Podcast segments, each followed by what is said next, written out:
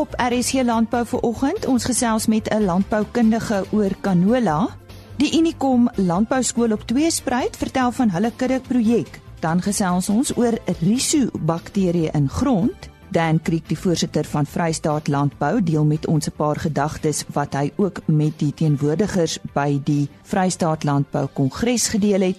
En ons sluit af met ons Laveld Agrochem onderhoud met George Prinsloo en hy praat oor belangrike vennootskappe in jou boerdery.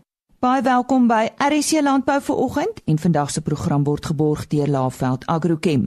Saam boer ons vooruit. Canola verbouing kan met geen tot minimale aanpassings inpas by enige boerdery waar klein graan verbou word. Dit hou veral ook verskeie voordele vir koringproduksie in. Studies van reg oor die wêreld, asook Suid-Afrika toon 'n toename in produksie van koring op canola stoppels van tussen 12 tot 20% in jaar 1 en sowat 8% in jaar 2. Ek gesels nou met Izaan Lygoni. Sy is 'n landboukundige van Southern Oil Eiendoms Beperk en uh, beter bekend as Soil oor canola verbouing. Sy is veral verantwoordelik vir die Swartland area. Nou Soil is in die Swellendam omgewing geleë en die maatskappy bedryf 'n moderne olie-onttrekkingsaanleg as ook 'n eetbare olie raffineerdery. Aan die kleinhandelskant fokus Soil veral op die vervaardiging van gesonder alternatiewe olies. En om terug te kom by die verbouing van canola, Izaan, watter voordele hou canola verbouing vir kleingraanprodusente in? Haai, goeiemôre. Die groot voordeel van canola was aanvanklik in die wisselbou voordeel van die gewas gewees. Canola in jou gewasrotasiestelsel saam met koring en gars gee die opsie om ander chemiegroepe te gebruik om sodoende onkruid te bestry in die canola fase. Dit verskaf weer skoon lande vir koring in die volgende seisoen. Oor tyd het die opbrengste van canola begin toeneem en het produsente dit nie net meer gesien as 'n wisselbougewas nie, maar ook as 'n kontantgewas wat op sy eie ekonomies sin maak. Verdere voordeel is hoe maklik die gewas inpas by die tipiese wis wisselboustelsel. Ten opsigte van die implement wat gebruik word, aangesien dieselfde implemente gebruik word as wat benodig word vir koring en gars. Tradisioneel word canola net voor die koring geplant, as ook geoes. Dus is die implemente wat gebruik word beter benut oor meer hektare. Goed Izaan, wanneer is 'n geskikte tyd om canola te plant? Die groot geheim van van canola is om die gewas egalig te laat ontkiem. Om dit te verseker, kyk ons na planttyd van vroeg April tot middel Mei, waar vogtoestande van so 'n aard is om egalige stand te verkry. Baie produsente plant canola in droë grond, wat dan ontkiem wanneer die winterreën kom. Watter belangrike faktore moet in gedagte gehou word by die plant van saad? Omdat canola so 'n geweldige klein saadjie is, is dit baie belangrik om te fokus op presiese saadplasing van die saad. Dit is 'n baie groot probleem in ons industrie en produsente wat moeite doen hiermee, behaal goeie resultate. Kalibrering van die planters moet baie tyd aangegee word en om op te let na die fynere detail is baie baie belangrik. Watter bemestingsriglyne kan jy vir ons gee? In die canola bedryf werk ons met die algemene riglyn dat vir elke 1 ton canola wat geoes word, is die bemestingsbehoefte ongeveer 40 kg stikstof, 7 kg fosfaat, 9 kg kalium en 10 um, kg swavel. Swavel is veral belangrik en daarom probeer ons met elke bemesting wat gegee word swavel bysit. Die bemesting wat gegee word kan dan aangepas word by die opbrengspotensiaal van die canola. 'n Boorbemesting is ook iets waarby canola baie baat vind in meeste omstandighede. En nou kom ons by elke produsent se kopseer en dit is siektes en pla. Wat is dikwels 'n probleem? Ja, ons het 'n paar siektes en pla wat gemonitor en bestuur moet word. Aan die plaagkant is dit hoofsaaklik slakke, isopoda en myte wat skadig aanrig tydens die saaiingfase. Soos die plant groter word, is dit koolhuise en ruiterig motlarwes wat probleme kan veroorsaak. Siektes is hoofsaaklik swartsam en sklerotinia. Sklerotinia veral kan 'n hele oes vernietig indien dit nie reg bestuur word nie. Al die siektes en plaae word egter met 'n geïntegreerde chemiese program baie effektief bestuur. Nou dit was siektes en plaae, watter ander uitdagings bestaan in die produksiebestuur van canola? Die groot uitdaging van canola is om altyd een stapie voor te wees. Canola is baie tydspesifiek. Met ander woorde, aksies wat gedoen word, moet altyd op die regte tyd gedoen word. Wanneer dit kom by platsny en ook bespuiting van canola byvoorbeeld, kan vandag te vroeg wees en oormôre kan te laat wees. Wanneer die produsent die gewas dus as 'n afskeep gewas sien vanaf dag 1, gaan al die aksies net die regte tyd gedoen word nie en gaan hy nie sukses behaal nie. Verg oestyd ook 'n besondere aandag, Isaan? Verseker doen dit. Weerens is die klein saadjies die probleem. Daar moet opgelet word dat jou strope reg ingestel is om minimaal te mors. By canola is dit onmoontlik om geen oesverliese te hê nie, maar dit moet beperk word. Elke stroper verskil en produsente moet tyd vat om seker te maak dat alles reg is. Canola is verseker nie 'n wondergewas nie. Dit verg goeie bestuur en besluitneming reg deur die seisoen om goeie resultate te kry. Canola is wel ook 'n gewas wat die vermoë het om jou te verras, veral in droë jare. Die stem daarvan Izaan Lygoni. Sy is 'n landboukundige van Southern Oil Eiendoms Beperk of beter bekend as Soil wat in die Swellendam omgewing geleë is. Ons uh, gesels nou met uh, François Hatting. Uh, hy is by die uh, Unicom Landbouskool in Tweespruit. Die rede waarom ons met hom praat is dat hulle deelneem aan die Veeplaas skole kudde projek. Uh julle werk saam met uh, sekere ras. Vertel 'n bietjie vir die luisteraars watter ras julle mee saamwerk. Goeiemôre Henie. Dit is uh, ons werk saam met die Brownlee Genootskap en uh hulle is by ons skool betrokke. Hoekom het julle besluit om aan die projek deel te neem? Uiteraard is hierdie 'n goeie geleentheid vir die skool om ekonomiese voordeel te trek deurdat ons 'n kudde kan opbou met die hulp van kundiges binne die genootskap en ook kundiges uh boere wat wat betrokke is by die projek.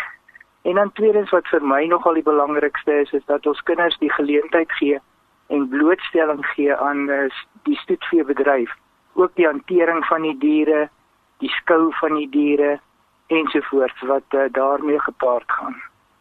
Uh so ietsie oor die ouderdom, die geslag uh, die hoofsaaklik het ons 'n klompie verse gekry van die genootskap. Uh die, die ouderdomme wissel so tussen 6 maande en 24 maande. En uh van die diere is al reeds dragtig bevestig en uiteraard is daar nou 'n klompie jong diere wat uh, eers later geïnsemineer gaan word. Hierdie bied eintlik nou vir ons ideale geleentheid dat um, ons 'n skou opset in verskillende klasse kan deelneem. Hoekom nou juist die brandwies? Die brandwie eh, vir ons opset. Eerstens is uh, dit is 'n diere wat baie goed geklimatiseer is vir vir die Oos-Vryste area. En dan uiteraard die die die die die, die en en, en sekerlik die hoof uh, uh, bron hoekom ons gekyk het daarna is is die feit van die, geaardheid van die dier. Die dier se temperament wat nie 'n 'n aggressiewe tipe dier is nie wat maklik skou gereed kan gemaak kan word.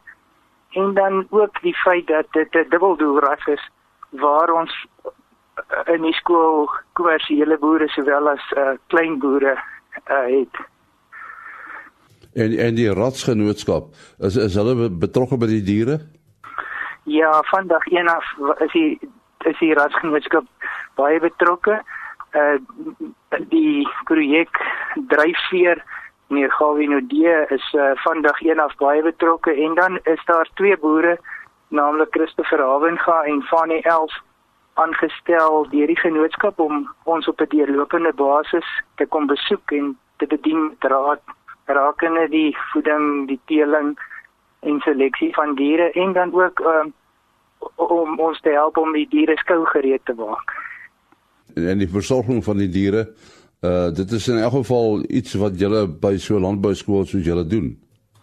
Dis reg en uh, hierdie bied nou uit uitstekende geleentheid om ook in te pas by die kurrikulum waar ons moet uh dierehantering doen, gesondheid van diere doen en uh die stoetveebedryf waar ons betrokke is by by die by die weeg, die die uh dokumentasie van die diere ensovoorts wat baie lekker is en dan uiteraard soos jy hoor ek is ons is ons wil baie graag uh, ernstig by die skool betrokke raak so die daar's reeds uh, leerders geïdentifiseer wat met spesifieke diere ehm uh, werk en uh, dat ons al kan deelneem aan aan die skoue soos wat soos wat dit ehm um, gaan gebeur. Die eerste eerste belangrike datum wat ons het is die ene van eh uh, die die expo in September maand. En uh, ons hoop dat ons dan ons eerste skou kan kan meemaak. Ek neem aan dat die die leerders baie betrokke is by die projek. Ja, ja, ek dink jy, jy jy sal hoor ook uit my praat dat dit dit gaan die hierdie hele projek gaan vir my oor leerder betrokkenheid dat ons dit kan inskakel by ons kurrikulum en dat ons ehm um, die leerders blootstel aan die praktyk. Hoe lank het julle die diere nou al? So, ons is al redelik lank met die beplanningsfase besig, maar die diere is nou net voor die vakansie, uh, voor die Junie vakansie by ons afgelaai. So ons het ons amptelike oorhandiging die 4 Augustus en uh, dan het ons ook al uh, waar die genootskap uh beoordelingskursus aan die aan die leerders gaan aanbied en dan 'n klein boeredagie wat ons die gemeenskap boere ook betrokke probeer kry by die skool en by by hierdie projek. Nou baie dankie François Hatting en hy is van die Unicom Landbou Skool in Tweespruit. Volgende aan die woord is Ouen Rode. Hy's van die Instituut vir Graangewasse op Potchefstroom en hy is 'n grondmikrobioloog en sy onderwerp van bespreking is rhizobakterieë in grond. Rhizobakterieë vorm deel van 'n groter groep bakterieë wat in die grond voorkom. Nou net soos bakterieë oor die algemeen, speel rhizobakterieë 'n kritiese rol in die afbraak van residue en herwinning van koolstof, stikstof, fosfor en ander belangrike minerale. Wat rhizobakterieë egter uitsonderlik maak, is dat hulle hoofsaaklik in die risosfeer voorkom en 'n noue interaksie of verwantskap met plantwortels toon. Die risosfeer verteenwoordig daardie dun laagie grond onmiddellik om die plantwortels. Dis die sone van hoogste mikrobiese aktiwiteit of mikrobelewe. Die konsortium van mikroorganismes in hierdie sone leef van verbindings wat deur plantwortels afgeskei word en benut dit as energiebron. Rhizobakterieë leef of op of binne plantwortels en hul werking kan of direk of indirek op plante wees. Ja, kom ons praat so 'n bietjie oor daai werking van rhizobakterieë. Eerstens moet ons duidelik maak dat dat daar wel sekere mikroorganismes voorkom in hierdie sone wat geen effek op plante groei mag hê nie. Terwyl ander of 'n voordelige of 'n nadelige effek mag hê. Bakterieë soos Agrobacterium, Atrobacter, Azotobacter, Azoosperillum en sekere Bacillus spesies is almal voordelige rhizobakterieë. Bakterieë Onder andere vervaardig hulle hulle vlugtige stowwe, byvoorbeeld fitohormone met stimulatoriese effekte. Verlaag hulle etileenvlakke in die plant en verbeter hulle die voedingsstofstatus in die plant. Indirekte effekte word geïnisieer van die rhizobakterie biobeheer uitoefen en plante teen siektes beskerm.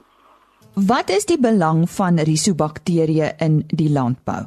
Omdat rhizobakterieë voedingsstofopname deur plantwortels bevorder, kan chemiese kunsmistoediening onder andere NPK, die stikstof, fosfor en kalium tot 'n minimum beperk word.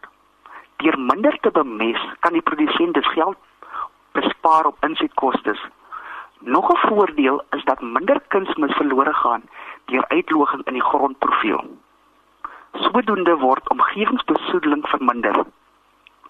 Die rhizobakterieë stimuleer ook wortelafskeidings wat grondstruktuur bevorder wat op sy beurt 'n positiewe effek op waterstres mag hê en die plant of gewas beskerm tydens droogtes. Hiermee saam word 'n gesonder wortel wortelstelsel geskep omdat vorming van groter en sterker wortels gestimuleer word en dus gewasopbrengste mag verbeter. Vir enige navraag kan luisteraars my gerus kontak by 018 299 6306.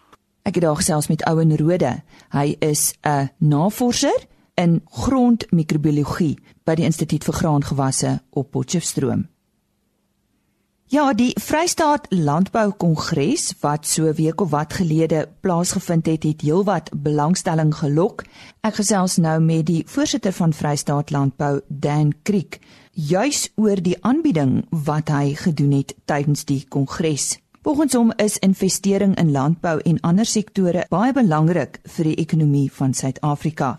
Maar waarop is die wil om te investeer gebaseer en watter faktore ontmoedig dit tans? Ja, Lise, dis natuurlik absoluut krities belangrik. Dis 'n baie eenvoudige beginsel, maar dit is absoluut krities vir ons ekonomie uh, en vir ons landelike ekonomie en natuurlik vir die landbousektor.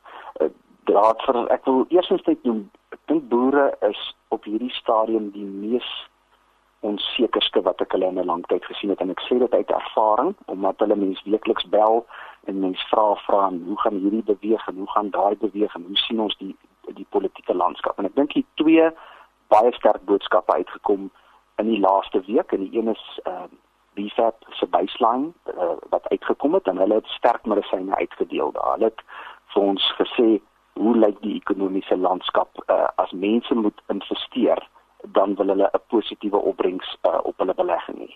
En op hierdie stadium ehm um, sê hulle dan is ons in die land as gevolg van die politieke onsekerheid is mense uh, net nie bereid om te investeer nie. Die tweede een wat wat uitgekom het hiermee wat baie belangrik is is ons gouverneur van die van die Reservebank. Ehm um, hy was in business uh business by laasweek waar hy gesê het uh, indien ons nie die beleidsonsekerheid rondom mynbou en landbou gaan gaan aanspreek nie, dan kan ons verdere inkrimping van ons ekonomie sien. En hy die eenvoudige voorbeeld gebruik van uh, as jy 'n mynskag dan moet sink vir wat jy produseer vir die volgende 30 jaar en dan kan jy dit net sowel vervang met 'n plaas uh of waar jy infrastruktuur moet skep of verbeteringe moet aanbring of 'n langtermynbelegging in terme van landbougrond uh en die en die beleidsomgewing lyk soos dit nou lyk dan is jy net onseker of jy dit moet doen en jy sal 10 teen 1 besluit of jy dit moet doen of of jy dit nie moet doen nie. En hy het baie sterk uitgekom en ook gesê ons moet hierdie beleidsonsekerheid so gou as moontlik uit die weg ry. So die wil om te investeer hang af van beleidsekerheid en dit hang af van of die entrepreneur wat sy geld belê 'n positiewe opbrengs in die toekoms verwag en op hierdie stadium is hulle onseker daaroor. Dan 'n volgende aspek is die vryheid van spraak in Suid-Afrika wat so onder druk kom. Wat is die rol van vryheid van spraak en on ondersoekende journalistiek in die voortbestaan van ons demokrasie? En hierdie is nou nie spesifiek landbou nie, maar dit het 'n effek daarop. Ja, goed so Lise, een van my hoofpunte in my in my aanbieding was dat ons in Suid-Afrika reeds uh, die draaipunt bereik het na herstel uh, van 'n verdieping van ons grondwetlike regte en ek sê dit nie ek sê dit nie ligtelik nie dit is dit is my opinie. En ek het aangevoer dat vryheid van spraak wat in ons grondwet uh, gewaarborg word en vryheid van die pers is mos nou natuurlik deel daarvan.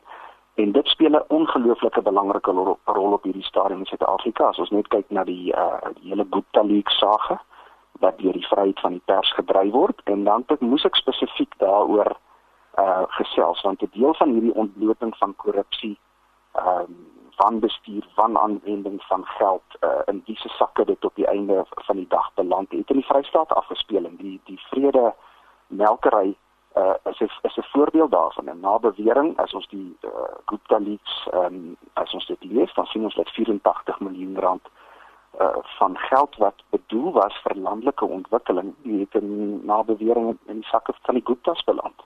En dan 30 miljoen daarvan is vir 'n troue aangewend. So dit is dit is absoluut krities dat ons antwoorde kry vanaf die Vrystaatse regering. Dit het 'n uh, uh, ongelooflike impak op hulle kredietwaardigheid en geloofwaardigheid uh, as 'n as 'n Vrystaatse regering. Dit het 'n impak op hulle legitimiteit in terme van uh uh as mense wat die grondwet moet dien in terme as jy die aanhef van die grondwet vat uh om 'n beter lewe vir mense te beding en om geleenthede oop te breek en as dit die manier is hoe landelike ontwikkeling en fondse wat vir landelike ontwikkeling bedoel is bestuur word, dan het dit 'n massiewe impak. En dan het ek ook gefokus op ehm um, die SAIK 8 en uh, by naam is uh, Suna Venter en uh, ek het haar as 'n sprekende voorbeeld gebruik. Dit is natuurlik 'n tragiese verhaal, maar ek het haar gebruik as 'n dapper Suid-Afrikaner wat opgestaan het vir haar regte, opgestaan het vir haar vryheid van spraak en die vryheid van die pers en ek het die uh, die boere aangemoedig om uh, dat haar lewe en dit wat sy gedoen het, hulle inspireer om ook op te staan vir ons regte. Nou volgens jou moet ons versigtig wees vir populisme en die kreatiewe omgang van die waarheid. Kan jy vir ons 'n paar voorbeelde van sulke gevalle uitlig, uh, Dan? Ja, dis een van die uh, redes hoekom ons besig is om terug te draai na die grondwet, is omdat ons uh dapper mense soos ons voormalige minister van finansies Mcebisi Jonas het. En julle ken almal die wat ek noem die quotable quote van 2017 waar hy gepraat het oor populisme en hy het 'n uh, redelike grove landbouterm gebruik van uh, hoe hy mense noem wat so populisties omgaan. Maar die moeilikheid met populisme is uh, sê hy dan reg is dit dit verdeel ons in verskillende kampe. Hierdie is die vriende en daai is die vyande en dit neem ook die kompleksiteit en die risiko wat daar in hierdie hele debat is neem dit weg en dit vereenvoudig dit na ideologie met 'n uh, uh, utopiese element en as ons mos nou net dit en dit en dit doen dan gaan uh, dan gaan ons in Ethiopië wees en dit werk dit eenvoudig nie so nie. En uh, ek dink dit is baie belangrik wat hy hier genoem het dat uh populisme ek het gesê closes down space for dem democratic dialogue and conversation. So ek het aangevoer as ons dit dan nou omdraai hoe skep ons spasie vir demokratiese dialoog en uh, om met mekaar te gesels? En dit is eintlik wat ons moet doen. Daar's daar's regte issues waaroor ons moet praat uh, in terme van die landbou en uh, dit word dit word gerig deur die grondwet en dit word gerig deur ekonomiese realiteit. Dit was dan Dan Kriek die voorsitter van Vrystaat Landbou. Laveld Agrochem se lese Saam boer ons vooruit. Impliseer dit daar verskeie vennootskappe is wat maak dat hulle saam vooruit boer. Een van die belangrikste vennootskappe is die tussen die boer en sy arbeiders. George Prinsloo van Laveld Agrochem deel nou met ons 5 beginsels om die vennootskap te verbeter. George, die basiese beginsels van arbeidsbestuur is gebaseer op die boek The Way of the Shepherd, geskryf deur Dr Kevin Leeman. Noem kortliks hierdie 5 beginsels as ook waarmee dit vergelyk word. Goeiemôre, dis man die beginsels van van arbeidsbestuur of die verhouding tussen 'n produsent en sy werkers word hier vergelyk met die verhouding tussen 'n herder en sy skape. En die 5 beginsels is basies soos volg. In die eerste plek moet die skape individueel geken word deur die herder. So die die herder ken sy skape, hy ken hulle persoonlik, hy ken hulle doelwitte, hulle drome, hulle ideale, hulle sterkpunte, hulle swakpunte. En die doel daarvan is juis om seker te maak dat elke mens optimaal benut word binne die uh, produsent se produksieeenheid. Tweedens moet die skape ook die herder se stem goed ken. Dit beteken dat die produsent ook sy drome, sy ideale, sy visie en waardes duidelik moet kommunikeer aan sy uh, arbeiders om ook te verseker dat daar sterk vertrouensverhoudinge in hierdie vennootskap ontstaan. In die derde plek moet die produsent onderneem om sy werksomgewing of die weiding vir sy skape veilig te maak. En dit is net uh, veilig uh, fisies nie, maar veral emosioneel 'n uh, omgewing te skep waarin werkers kan kan uh, gedei en vooruitgaan. Vierdens het die herder 'n staf, 'n staf wat rigting aandui en dit beteken dat elke individu duidelike doelwitte, meetbaar, realisties sodat elkeen al is sy rol hoe klein presies verstaan maar wat is sy rol binne hierdie boerdery opset. En laastens het die herder ook maar 'n staf van dissipline. Want uh, ongelukkig wil 'n skaapie partykeer maar deur die draad klim en dan uh, moet die moet die herder hom maar terugbring, maar dissipline het 'n doel om te beskerm en te red en reg te help. Waarom is dit belangrik dat hierdie beginsels op mekaar volg? 'n uh, Herder of produsent het eintlik een van twee opsies. Um hy kan met dwang sy skape aanjaag na die weiding wat hy verkies, dalk met 'n sweep of 'n stok, maar dan kry hy eintlik net produksie solank hy raas en beklei. Terwyl hierdie stappe van menswees eintlik ontwikkel is dat jy so verhouding het en so vennootskap het dat die skape agter die herde se stem wil aanloop. En dis heeltemal 'n ander benadering. Wat sal 'n arbeider se tipiese ideale wees? Arbeiders soos ons almal droom dalk maar om om eendag sy eie stukkie grond te besit, self te boer of een is dalk nou 'n pakker en hy wil graag die hoogloopspuit bestuur of uh ander is dalk net tevrede om 'n rustige bestaan te voer en, en net goed te kan sorg vir sy eie gesin of familie. So is dit belangrik dat hierdie drome of ideale van die arbeider in 'n kontrak vervat word? 'n Kontrak is eintlik maar die stukkie papier wat sê ehm um, jy's nou deel van my skaapkudde en hier sekere verantwoordelikhede, hier sekere voorregte, hier sekere verpligtinge.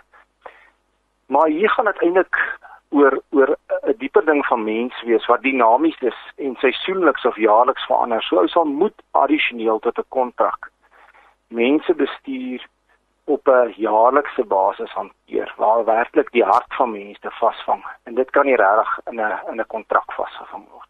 Hoe belangrik is iets soos opleiding vir die bereiking van hierdie ideale? Opleiding is 'n absoluut integrale deel. Veral as ou kyk na die stappe, valstappe 1 tot 4, as ou weet watter mense werklik voor jou en wat is die doelwitte wat hy wil bereik, dan word opleiding iets wat funksioneel is en wat ten doel het om spesifieke doelwitte vir beide partye te bereik in hierdie vennootskap. Nou, kom ons praat 'n bietjie oor waardes en die visie wat dit betref. Hoe kan 'n produsent dit visueel vir sy werkers tentoonstel? Dit is ongelooflik belangrik dat elkeen presies verstaan wat sy posisie en en sy rol is in die boerdery en ek ek hoor nou eendag 'n ongelooflike storie om dit visueel voor te stel van 'n boer wat al sy arbeiders bymekaar sit en um, een van hulle melkkoeie kry en hom hier tussen hulle laat staan. En toe verduidelik hy vir hulle maar ons almal ons almal wil melk hê. En as ons baie melk het, dan kan ons 'n klomp goed doen en ons kan melk verkoop en ons kan kos hê. Maar nie almal kan melk nie. Party moet hierdie melkkoe voer. Uh ander moet dalk die parasiete afhaal, ander moet die speensalf opsit. En so het hy basies vir elkeen visueel verduidelik, maar elkeen het 'n rol. En hy het sy hele boerdery opset met 'n melkproduksie vergelyk en dit het nogal visueel groot impak gemaak vir sy werkers. Hoe skep 'n produsent byvoorbeeld 'n veilige werksomgewing vir sy werkers? Eerstens moet ou vrees uithaal uit hierdie vennootskap. Vrees is iets wat mense verlam en dit veroorsaak dat mense eintlik net werk solank hy gedreig word. Um en nou moet dit uitkry. Daarom duidelike reëls, doelwitte, standaarde is ongelooflik belangrik om om vrees te verminder. Die tweede punt is is dat ou die ongediertes of parasiete eintlik wat die skape wil vang moet verwyder. Nou ek noem 'n paar van hierdie voorbeelde. Dit kan wees dat mense werkers te mekaar afspeel. Um dat party dalk nie belangrik genoeg voel nie. Dat ou nie probleme dadelik hanteer nie. Uh dat ou mense nie ingelig hou nie. Dit is alles goed wat werksvreugde van mense kan steel. En as ons nou na hierdie doelwitte kyk, hoe kan daai doelwitte bydra tot veilige werksomgewing? Sodra mense presies weet wat om te doen en wat die standaarde is wat verwag word, haal jy onsekerheid uit. En dit versterk hierdie vennootskap baie sterk. Môreoggend op RC Landbou gesels ons verder met George Prinsloo van Laveld Agrochem oor hierdie onderwerp en hy verduidelik onder andere hoe belangrik posbeskrywings, hiërargie en rapportering vir werkers is. Onthou môre oggend om weer om 05:30 in te skakel vir RC Landbou wat vandag aangebied is met die komplemente van Laveld Agrochem. Saam boer ons vooruit. Totsiens. RC Landbou is 'n produksie van Blast Publishing. Produksieregisseur Henny Maas. Aanbieding Lisa Roberts en inhoudskoördineerder Jolande Rooi.